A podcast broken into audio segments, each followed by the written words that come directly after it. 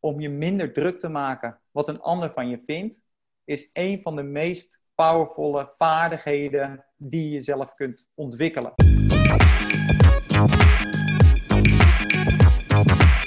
Hey, welkom allemaal. Leuk dat je weer luistert naar een aflevering van Strawberries on Fire. We zitten hier um, niet met z'n tweeën, maar met z'n drieën. We hebben namelijk uh, in de uitzending te gast uh, Bastin. Um, en Bastin is orthopedagoog met een, um, nou ja, een online praktijk, zou ik het wel kunnen zeggen. Uh, ja, welkom Bastin. Misschien wil je wat over jezelf vertellen. Ja, dankjewel. En bedankt dat ik bij jullie zomaar in mag breken in de, in de podcastaflevering. Mijn naam is inderdaad Bastin, Bastin Franke. Ik ben, of Bastin Alexander. Ik ben 34 jaar oud. En ik heb inderdaad een online business sinds twee jaar gestart. Waarin ik ehm, specialiseer op de opvoeding, opvoedingsvragen van, van ouders. En eigenlijk veel meer kijk naar de rol van ouder en wat die nou kan doen. Ik heb altijd eigenlijk gewerkt met kinderen direct. En de opvoeding en de opvoedingsvragen, de behandelmethodes zelf gedaan. En nu ben ik veel meer gaan focussen op de ouder. Omdat ik gezien heb van, ja, als je binnen een behandelsetting eigenlijk kan je heel veel doen. Maar als we op een gegeven moment naar huis gaan en daar blijft de situatie hetzelfde. Dan kom je ook altijd weer terug in diezelfde situatie. Dus juist door de ouders beter te coachen, meer handvatten te geven van hoe met bepaalde gedragingen om te gaan zie je dat dat veel efficiënter is, veel effectiever is en ook voor de langere termijn veel beter helpt. Ja, nou ja het is natuurlijk hartstikke Gelijk leuk. een vraag uh, over stellen. Ja, uiteraard. Kijk, go! Want nou ja, je gaf aan van, hè, ik werkte voorheen één op één met kinderen. Uh, en op een gegeven moment heb je de switch gemaakt naar, uh, het, als ik het goed heb begrepen, naar, nou, holistisch is niet het goede woord, maar in ieder geval kijken naar de hele gezinssituatie en ook daar de ouders bij te betrekken.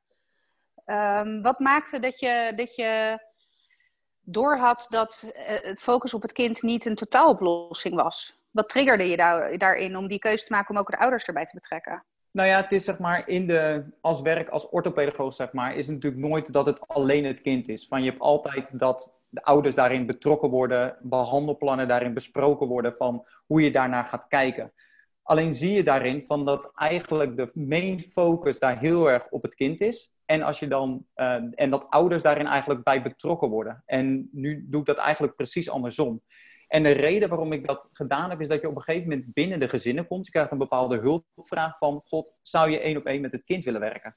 En dan, hoe meer je eigenlijk dan in die thuissituatie komt, hoe meer je dan ook bepaalde patronen ziet. Dat je denkt van, ja, we zitten nu allemaal bijvoorbeeld, nou, het meest uh, duidelijke voorbeeld van ADHD te denken.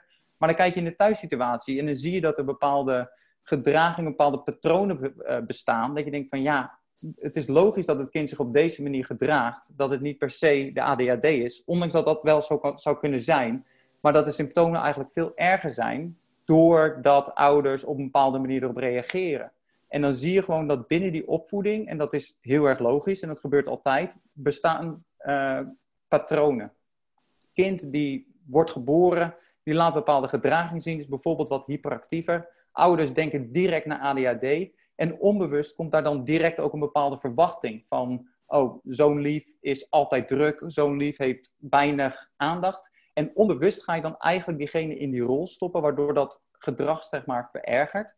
Terwijl als je dat patroon doorbreekt en je gaat eigenlijk kijken om een andere identiteit aan te brengen door gewoon op een andere focus neer te leggen en op een andere manier te reageren en eigenlijk een soort van te verrassen, dan zie je in één keer dat het kind ook heel erg verandert. Zonder dat je één op één met het kind aan het werk bent, zie je dat door die ouders een andere identiteit wordt eigenlijk wordt aangegeven aan het kind, dat de, het gedrag van het kind heel erg verandert. Ja, dus het is eigenlijk uh, op het moment dat je zelf al een bepaalde conclusie trekt, en daar kan je niet altijd wat aan doen, heb je een soort self-fulfilling prophecy die, um, die zich dan binnen zo'n gezin afspeelt. Ja, 100%.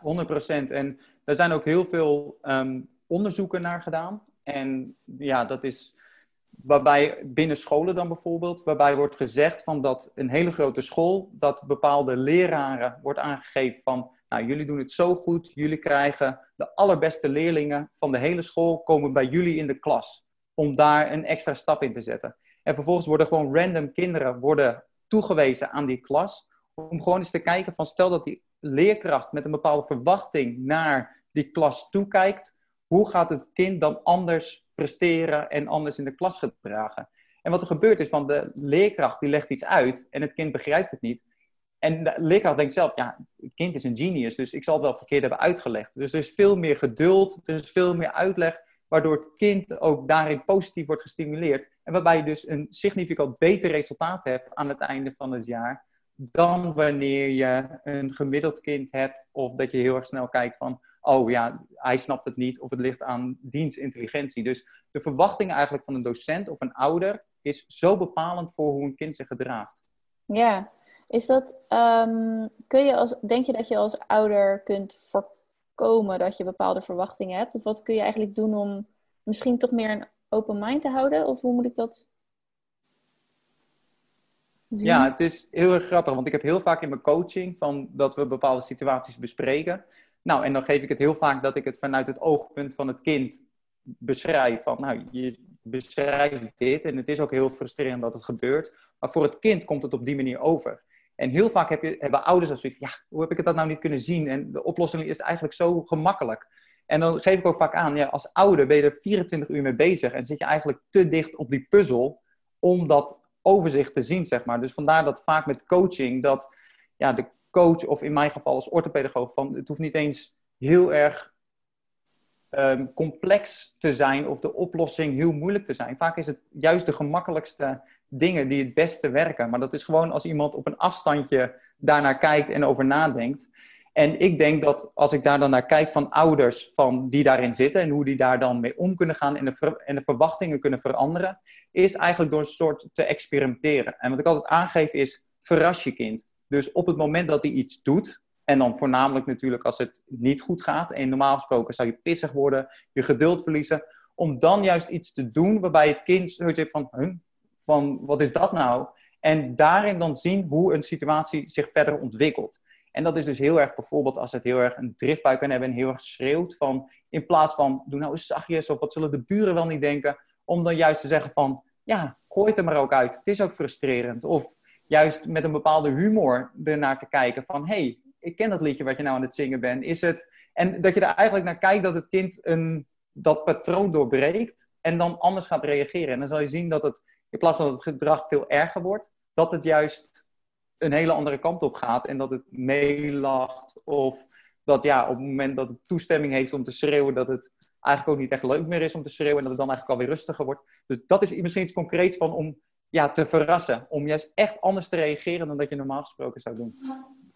Hey, en heeft dat ook een, een, een neurologische oorzaak? Dus weet jij of, ik weet niet of dat zo is hoor, maar ik kan me voorstellen op het moment dat je dus een kind verrast, dus die zit vast in een bepaald gedrag, nou laten we het een driftbui noemen, uh, dat op het moment dat je dat kind verrast, dat dan ook een ander gebied van de hersenen wordt geactiveerd, waardoor die dan uit dat gedrag wordt gesnapt.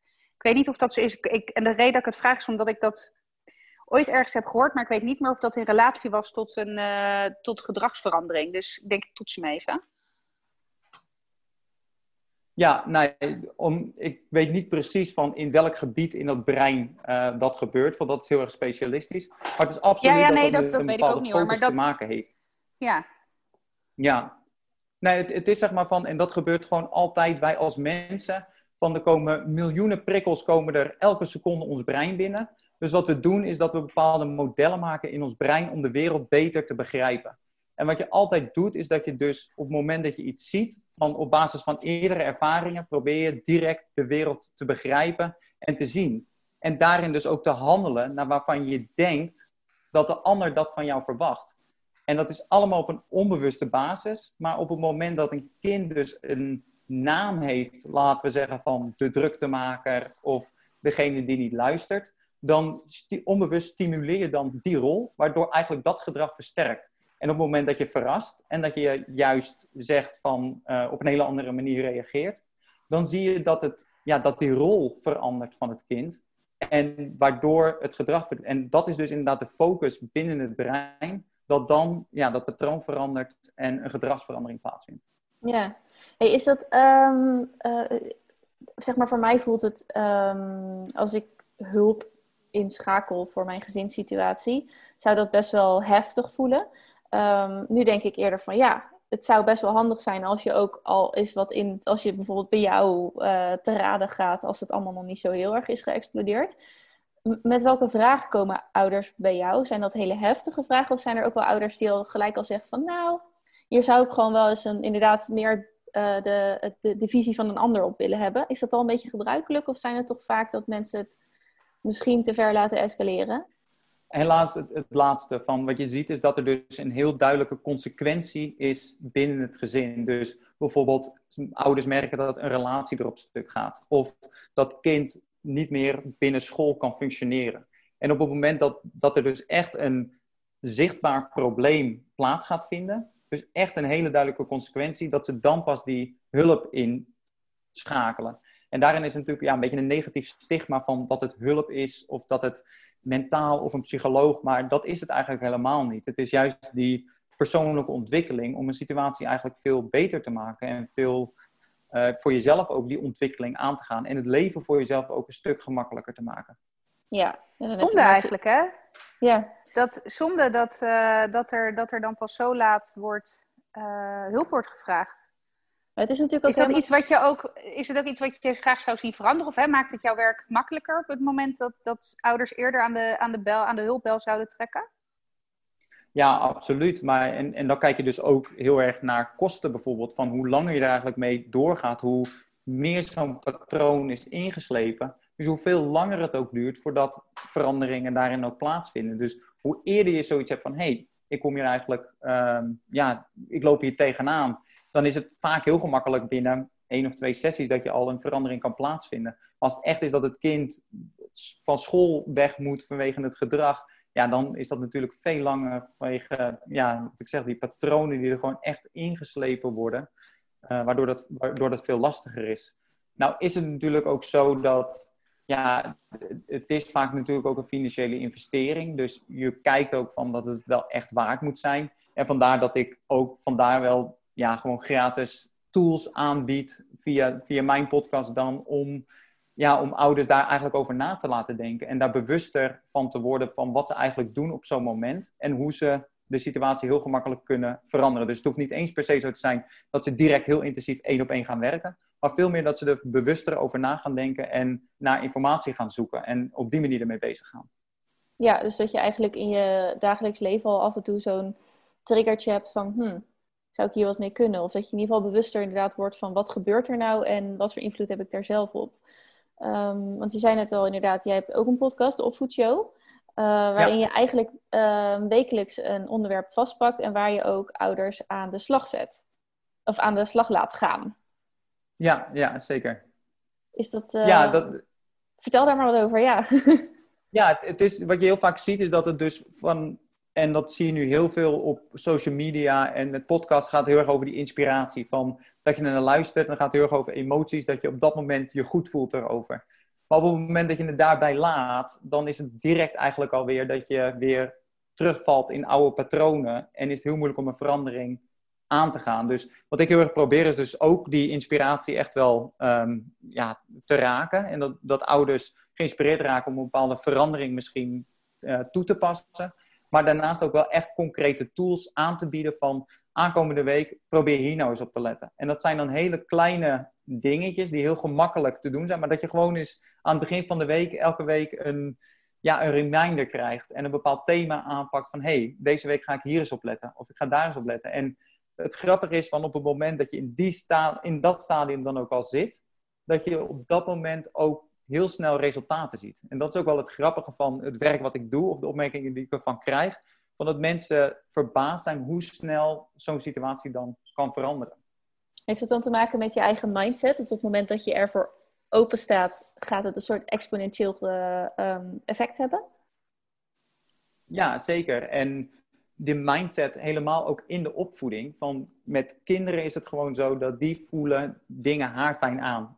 Van de woorden die je zegt en de inhoud van de woorden, dat is maar 20% van wat een kind gecommuniceerd krijgt. Want het gaat heel erg om wat voelt een ouder, wat denkt een ouder, wat is de energie van de ouder.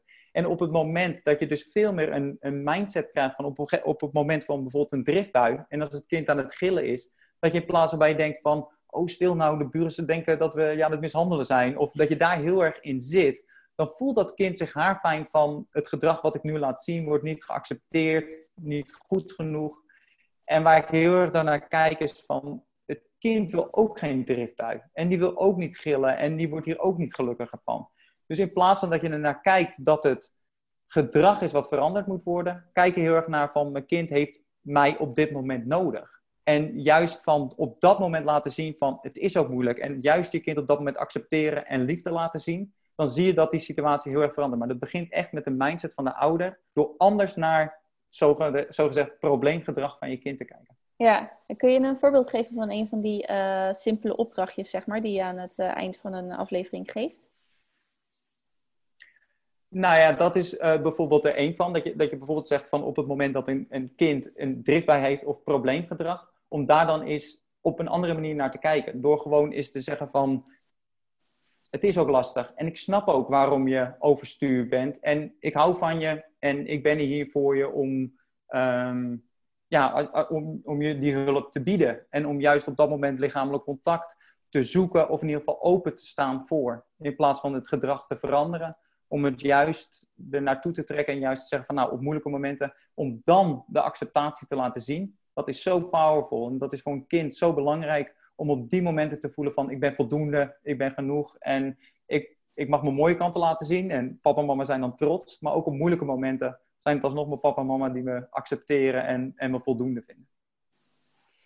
Ik, ik vind die gedachte echt heel mooi en ik kan me daar echt heel erg goed in vinden. Maar uh, ik heb als moeder ook wel eens een kutdag. uh, en dan kan ik die driftbui kan ik niet handelen. Uh, en dan, dan en ik, ik, hè, ik heb niet de, de, per se de tools die jij nu schetst. Uh, ik ben ook nog nooit gecoacht in mijn ouderschap. Um, ik denk wel dat ik de juiste mindset heb, maar ik blijf dan toch er tegenaan lopen dat er ook momenten zijn waarin ik die driftbui niet kan hebben. En waarin ik denk, yo, shut up, weet je wel. Uh, ja. en, en dat is misschien heel hard hè, om te zeggen, maar ik, ik, daar ben ik ook gewoon heel, heel eerlijk in. Um, en is dat dan ook iets uh, waar je aandacht voor hebt in, in, in nou, ik, ik, hè, niet per se in je, in je podcast, maar wel in die trajecten van hey, hoe bewaar je de kanten? Of is er ook ruimte voor een ouder om ook uh, uh, boos te kunnen zijn? Want hè, weet je, we, we streven met z'n allen het perfecte plaatje altijd maar naar, na. Hè? We moeten de perfecte ouder zijn, de perfecte werknemer, de perfecte vrouw, echtgenoot. Vervolgens moeten we ook nog maandje 36 hebben. En uh, hè, nou ja, noem maar op waar, waar we allemaal aan moeten voldoen. Um, hoe, hoe zorg je ervoor dat er wel nog ruimte is? Uh, ik ben dan nu even de rebellerende ouder. Uh, ruimte is voor je eigen menselijkheid. emotie en menselijkheid. Ja, dank je. ja, nee, een hele goede vraag. En ook een compleet logische vraag. En daar heb je ook helemaal gelijk in. Van, om dat perfecte plaatje, om dat juist tegen te gaan. Van, je hoeft niet altijd op de perfecte manier te reageren. Ik denk wel dat het goed is om een bepaalde intentie te stellen. Dus dat je inderdaad zegt van, nou, die tools van, zo zou ik willen reageren. En op het moment van, ja, niks menselijk is ons vreemd. Op het moment dat dat niet lukt, is helemaal geen enkel probleem. Maar wat er dan vaak gebeurt, is dat je als ouder het gevoel hebt dat je die perfecte ouder naar je kind moet zijn. Dus dat je dan op het moment dat je zo gereageerd hebt, dat je eigenlijk dacht van nou, was dat wel zo nodig? Of misschien had je een vervelende dag gehad, waardoor je op een bepaalde manier reageert. En dat je dan het niet daarop terug kunt komen. En dat ik ook aangeef van, dat is ook hartstikke logisch. En dat is ook heel erg normaal. En er zit ook juist weer een hele mooie leerschool in, door op dat moment bij je kind ook je excuses aan te bieden. Van luister, ik heb misschien wat overdreven gereageerd. En daarin heel erg open juist te zijn. In plaats van, ik moet een bepaalde standaard vasthouden. En dat zie ik ook heel erg in mijn coaching. Van dat kinderen, als iets niet lukt, dat ze dan heel snel overstuur raken. Maar wat je ziet, is dat eigenlijk dat dat heel erg een kopie van moeder is of van vader is. Die heel erg een perfectionistisch beeld wil nastreven. En diezelfde frustratie ervaart als het niet lukt. Dus op het moment dat jij aan je kind kan laten zien van... hé, hey, ik heb ook een fout gemaakt en het spijt me, ik had anders moeten reageren... en de volgende keer ga ik dat proberen... is dat juist ook een heel erg mooi voorbeeld naar je kind toe... om te laten zien van, ik ben ook niet perfect en daar ben ik ook blij om. Ik wil helemaal niet perfect zijn en we mogen fouten maken. Jij mag fouten maken, ik mag fouten maken, want we zullen ook fouten maken. Dus dat is aan de ene kant van dat je daarin heel mooi dat voorbeeld kan geven. En aan de andere kant van, ja, je bent altijd een balans. Ik, tenminste vanuit mij ben ik altijd een balans aan het zoeken van een heel concreet voorbeeld als tip wat je kan doen. Maar als je echt een, een traject aangaat, dan begint het juist van de oplossing ligt niet op het moment dat die driftbui er is en dat je het niet kan handelen. Maar het gaat er juist om gedurende de dag dat je veel assertiever gaat worden. Om veel meer je grens aan te geven eigenlijk. Zodat je als je thuis komt, dat je dan nog de batterij in het groen of misschien eh, in het oranje hebt. Maar niet in het geel of in het rood van, of juist andersom van in het groen of het geel. Maar niet in het oranje of rood. Dat je op je laatste benen loopt. Dat je daarin ook veel meer voor jezelf gaat zorgen. Voor jezelf op gaat komen. Om aan het einde van de rit nog uh, lucht in de tank te hebben. En niet op je tandvlees thuis te komen. Ja, dat vind ik wel echt een hele, hele interessante. Want daarmee, dat is, daarmee zet je dus de ouder ook centraal in het coachingstraject. Want daar, daar zit inderdaad denk ik best wel een pijnpunt. Ja, maar jouw focus um, ligt als ik het goed heb ook wel op de werkende ouders? Ja, zeker. Van, je gaat natuurlijk kijken van nou ja, wie is dan de specifieke groep die je helpt en waarin help je ze dan? En wat je gewoon heel erg vaak ziet, is dat er een bepaald, wat ik, waar we het al eerder over hadden, dat er iets, een bepaald probleem op de oppervlakte eigenlijk is wat zichtbaar is. Dus bijvoorbeeld een kind met uh, gedragsproblemen of dat het juist in het huwelijk uh, niet goed gaat. Maar er zitten allemaal diepere lagen in. En waar het heel erg om gaat en wat bij mij ook centraal staat in die coachingstrajecten, is dat gevoel voor erkenning. Van dat dus bepaalde patronen ontstaan doordat iemand niet lekker in zijn vel zit of moe is of geen energie heeft. En dan kijk je dus heel erg van dat je gedurende de dag niet voldoende je erkend voelt, waardoor je het eigenlijk thuis meer gaat afreageren.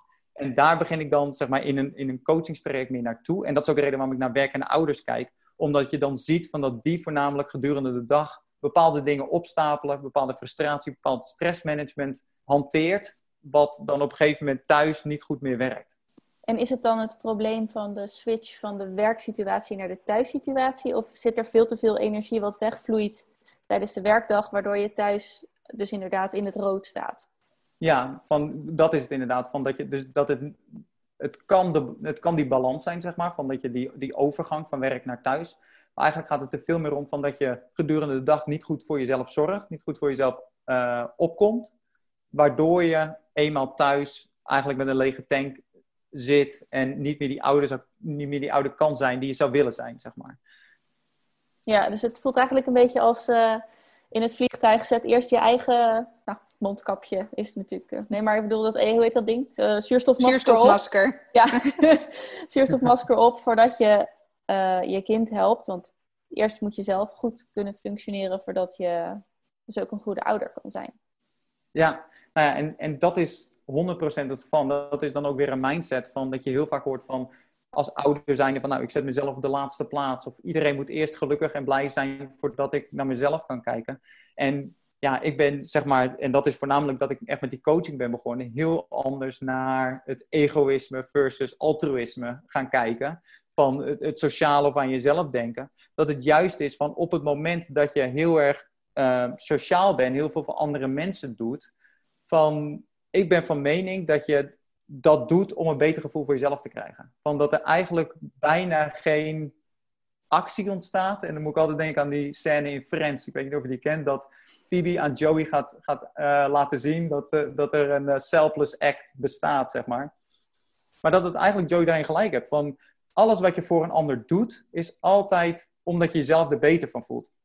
Terwijl als je en dat is, kan ongemakkelijk zijn door je grens aan te geven. En dat is, kan je uit je comfortzone om te zeggen van nou, ik zeg nu nee of ik trek mijn grens. Zodat ik aan het einde van de dag nog energie over heb aan me, uh, om aan mijn gezin te besteden. En dat is dus heel erg dat je daarin anders gaat kijken van nee, je staat niet op de laatste plaats. Zorg nou dat jij goed in je vel zit, dat jij er goed op staat. Want dan kan je dus het meeste voor een ander doen. Veel meer impact maken op je omgeving. Ja. Hey, is dat vaak... Oh, sorry. Ga maar. Is dat vaak ook zeg maar een beetje een unpopular opinion? Dus hè, het, het hele stuk, want ik ben het volledig met je eens. Ik zit echt heel heftig ja te knikken. Over dat je, dat, je uh, dat altruïsme uh, vind ik altijd een, uh, een moraalridder, zeg maar. En ik, ik ehm, nou ja, ik, ik kan me er volledig in vinden.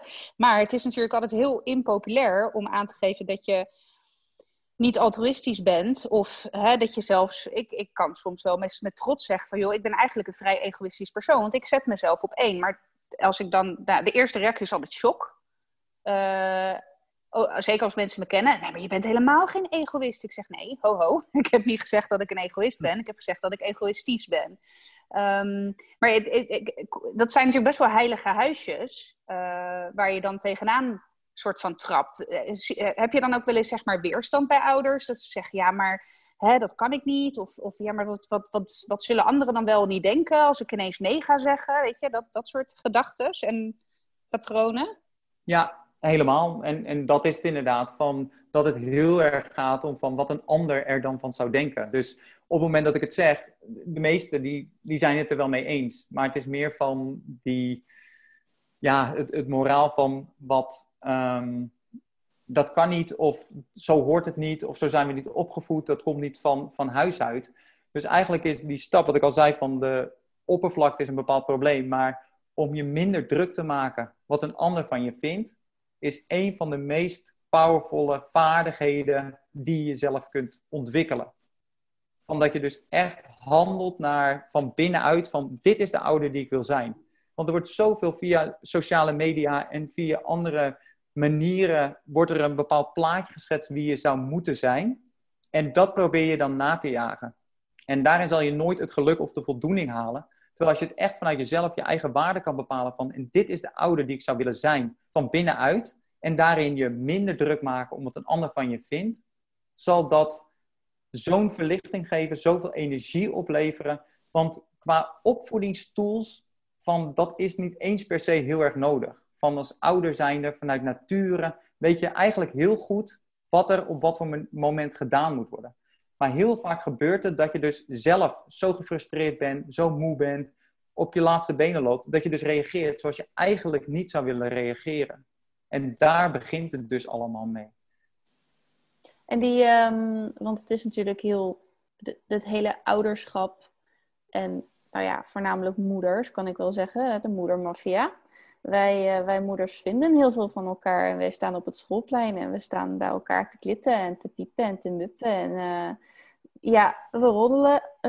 en het is, je hebt zo snel een mening klaar over het, um, of over andermans kind. Wat dus ook weer wat zegt over het moederschap, zeg maar.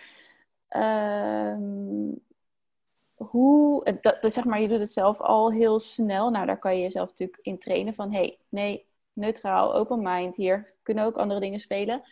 Um, maar goed, je, je bent dus ook heel ontvankelijk daarvoor. Van ja, wat zullen ze van me denken? Maar hoe, um, ja, heb jij, heb jij tips zodat wij, uh, zeg maar, how not to give a fuck, weet je wel? hoe, hoe, hoe kun je dat uitzetten bij jezelf? Of hoe kun je inderdaad echt denken van, het doet er echt niet toe wat een ander vindt. En ik ga echt mijn eigen, of ik vertrouw genoeg op mezelf. Want het is, ja. die hele wereld zit zo, zit zo in elkaar. Op het moment dat je hier de deur uitstapt, dan denkt de buurvrouw al iets, bij wijze van spreken. Ja, zeker. En dat is, dan kom ik weer terug op die erkenning. Van we willen allemaal erkend worden en we willen allemaal belangrijk gevonden worden. En dat halen we heel erg vaak uit onze omgeving. Van dat je dus de bevestiging van anderen krijgt dat je voldoende bent, of dat je het zwaar hebt, dat je een, een bikkel bent, et cetera, et cetera. En wat er daarin dan gebeurt, is dat je dat dus heel erg van de buitenwereld wilt krijgen. Maar de realiteit is, van op het moment dat iemand iets van jou vindt, dan gaat dat eigenlijk maar 10, 15, 20 procent over jou. En het leeuwendeel gaat het erover de onzekerheden van een ander. Of, of die andere een shitty dag hebt gehad. Of hoe die andere in het leven staat. Van dat bepaalt voor het allergrootste gedeelte hoe diegene over jou denkt. En dus op het moment dat jij het najaagt dat jij een, bevestiging van de ander wil hebben, ja, dan kijk je maar naar 10, 15 procent waar jij controle over hebt en de rest niet.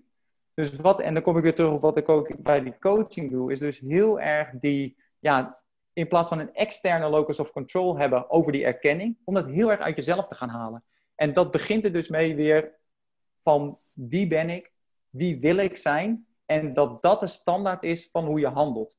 En op het moment dat je daar bewuster over na gaat denken en heel goed weet wie je daarin zou willen zijn, dan zal je veel minder ontvankelijk zijn van de mening van een ander.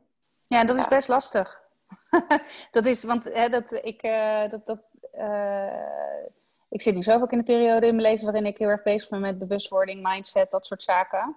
En uh, ik merk dat dat echt diep graaf is. Dat is echt lastig. Uh, ik denk, denk ook wel, want dat, dat, dat juiste hulp, neutrale hulp, daar echt wel, dat je daar echt wel veel baat bij kan hebben.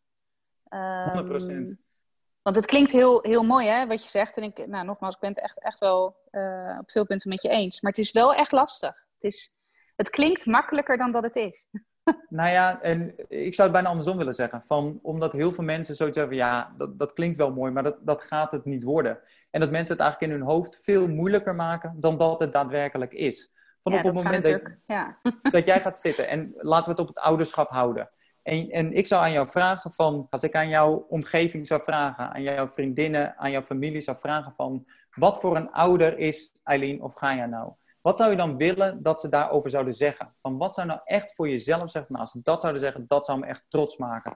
Dat is het beeld wat ik wil uitstralen.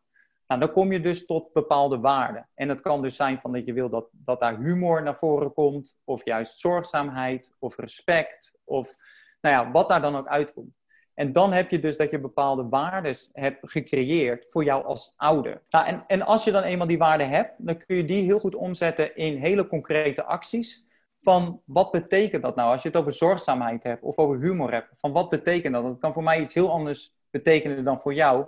Dus om dat heel concreet te maken van, nou, dit is wat zorgzaam is. En zo ziet dat eruit in hele concrete acties. En op het moment dat je dat hebt, dan heb je eigenlijk een lijst met acties waarvan je zegt van, ja, dat zijn de dingen die ik zou willen doen. En dan kom je er ook weer op terug van dat jij zelf een bepaalde identiteit hebt en dat je zelf handelt naar waarvan je denkt dat de ander dat van jou verwacht. Maar door die lijst met vanuit jouw waarde kan je vanaf nu dan anders gaan handelen en heel erg je eigen ja, judge worden, zeg maar, van wie je bent en wie je als ouder bent. En hoe beter je dat voor jezelf hebt en hoe bewuster je daarvan bent, hoe minder uh, ontvankelijk je bent voor de kritiek of de mening van een ander. Ja, ik heb ook het idee dat je dan op het moment dat je het op die manier doet, um, dat je het ook veel meer in eigen hand neemt. Dus je bepaalt echt wie wil ik zijn, wat ga ik daaraan doen en daardoor ben je ook veel meer met jezelf bezig. Dus toch een soort van dat egoïstische, maar dat is dan wel goed. Het, uh, het klinkt wel als iets wat, uh, wat doable is. Wat jij, uh, Gaia? Zeker. Ik ben sowieso heel ontvankelijk voor dit soort dingen. Ik vind dat echt prachtig. Ja, ja, ja, wij, ja wij zijn wel fan van um, tips, visies, coaching van, uh, van buitenaf. Dus, ja, ja zeker. En het werkt ook gewoon heel erg mooi. En, en wat ik ook in het begin zei, van dat het makkelijker is dan dat je zelf denkt. En dat je denkt van ja, maar zo snel zal het niet gaan. En, maar de grap is dus dat ik het echt keer op keer zie van op het moment dat ouders dat veel meer gaan bepalen van ja, wie wil ik dan eigenlijk zijn? In plaats van wat vinden anderen van mij of wat verwachten anderen van mij. Dat ze daar heel snel naar kunnen handelen. En dat ze dan ook zien dat het, de reactie van anderen eigenlijk ook veel powervoller is en veel mooier is dan dat ze hadden verwacht. En dat is hetzelfde met assertiviteit, waarin je je grens aangeeft waarin je nee zegt, dat anderen juist power to you, dat ze het zo zien, in plaats van uh, ja, je niet aardig vinden of wat dan ook. Ja, ja prachtig. Is het, um, ik, ga hem, uh, ik, ik, vind het een mooie uitsmijter, dus ik ga hem er gewoon uh, met jou afronden. Um, de tip is dus vooral ook naar onze luisteraars: ga naar jouw podcast luisteren, de Opvoedshow. Want daar krijg je echt elke week weer nieuwe inzichten en vervolgens ook nog concrete acties om er gelijk mee aan de slag te gaan. Um, wil je zelf nog iets meegeven aan de, aan de luisteraars? Of uh, misschien een leuke aflevering waar ze mee kunnen beginnen? Of moeten ze gewoon bij één beginnen? ja, nou, wat ik al zei, van eigenlijk begint het allemaal bij je minder druk maken om wat een ander van je vindt. En we hebben al wat punten gehad wat je zou kunnen doen. En nou heb ik ook een challenge gemaakt waarin ik dat eigenlijk in vijf hele concrete stappen van hoe je daar nou komt. En ik noem het ook bewust minder druk. Dus het is niet dat je het helemaal niet meer uitmaakt wat een ander van je vindt. Want een compliment zal altijd leuk zijn om te krijgen en kritiek zal nooit heel fijn zijn. Maar in ieder geval dat je daar niet meer door een ondergrens zakt of dat het je in ieder geval niet je dag meer maakt of kraakt. En die kunnen ze vinden op bastenalexander.com slash challenge. En dan, ik pak hem even bij, want ik weet niet eens welke aflevering het is, want ik heb er ook een podcast aflevering aan besteed. We gaan hem sowieso ook even linken in de show notes, zodat je er gelijk, uh, gelijk bij kan. Dus als je er gelijk naartoe wilt, dan uh, moet je even scrollen naar de show notes van deze, deze aflevering. En daar vind je dan uh, de link naar de challenge. Super, ja. En dat is dan ook in aflevering 23. Ga ik er okay. ook dieper op in. Nou, leuk. Het, ik ben heel benieuwd. Ja, leuk. Nou, ja. Ik ga hem zelf ook eens eventjes bekijken. Um, nou ja, super bedankt voor uh, al je uitleg, al je inzichten en tips. En um, ik vond het hartstikke leuk dat je bij ons in de podcast was. En uh, nou ja, heel veel succes. En uh, we spreken elkaar vast in de toekomst nog wel eens. Ja, nou, heel graag gedaan. Ik, ik kan over uren over mijmeren. Dus helemaal goed. En, ja, mooi, mooi is dat. Ja. nee, super. Hey, dankjewel. En ja. tot, tot eventueel een volgende keer. Helemaal goed. Tot de volgende. Zo, dat was met het uh, gesprekje wel. Uh, echt super veel tips en uh, inzichten opgedaan. En dit was nog maar een half uurtje praten met, uh, met Bastin. Um, nou ja, het grootste leerpunt voor ons is denk ik wel dat we eruit hebben gehaald dat je ehm, best wel eerder aan de bel kan trekken voor advies. Gewoon even iemand die meekijkt. Hij zei zelf ook al, soms kan het in één of twee sessies al zoveel verschillen. Dus dat vond ik zelf wel heel interessant. En natuurlijk ja, het hele feit dat je je ouderschap vanuit je eigen waarde moet vormgeven en niet, afhankelijk moet maken van de waarde van een ander. Dat is echt wel um, ook wel een hele interessante om vast te houden. Ik moet eerlijk zeggen, ik heb natuurlijk met het editen dit gesprek voor de tweede keer geluisterd. En toen hoorde ik eigenlijk nog weer nieuwe dingen. Dus nou ja, wil je het echt allemaal tot je nemen, uh, luister dan, dan misschien twee keer of stukjes. We hopen in ieder geval dat je het leuk vond. En heb je nou, we willen dit echt wel vaker gaan doen. Uh, mensen uitnodigen, uh, uitnodigen verhalen laten vertellen van um, ervaringen. Uh, of juist inderdaad de specialisten uitnodigen om die te bevragen. Wil je graag iets? Heb je zelf een verhaal? Um, wil je graag iets delen? Mag uiteraard ook anoniem. Dan kun je ons altijd bereiken via Instagram, via de DM's. Um, ons Instagram-account is @strawberriesonfirepodcast. En als je ons daar een DM stuurt, dan uh, lezen wij die en dan kunnen we eventueel even contact leggen horen ook altijd graag jouw tips en je wensen. En ehm, nou ja, we horen sowieso graag van je. In ieder geval voor deze aflevering ook super bedankt voor het luisteren. En ehm, dan hoor je ons over een tijdje weer. Dankjewel. Doei doei.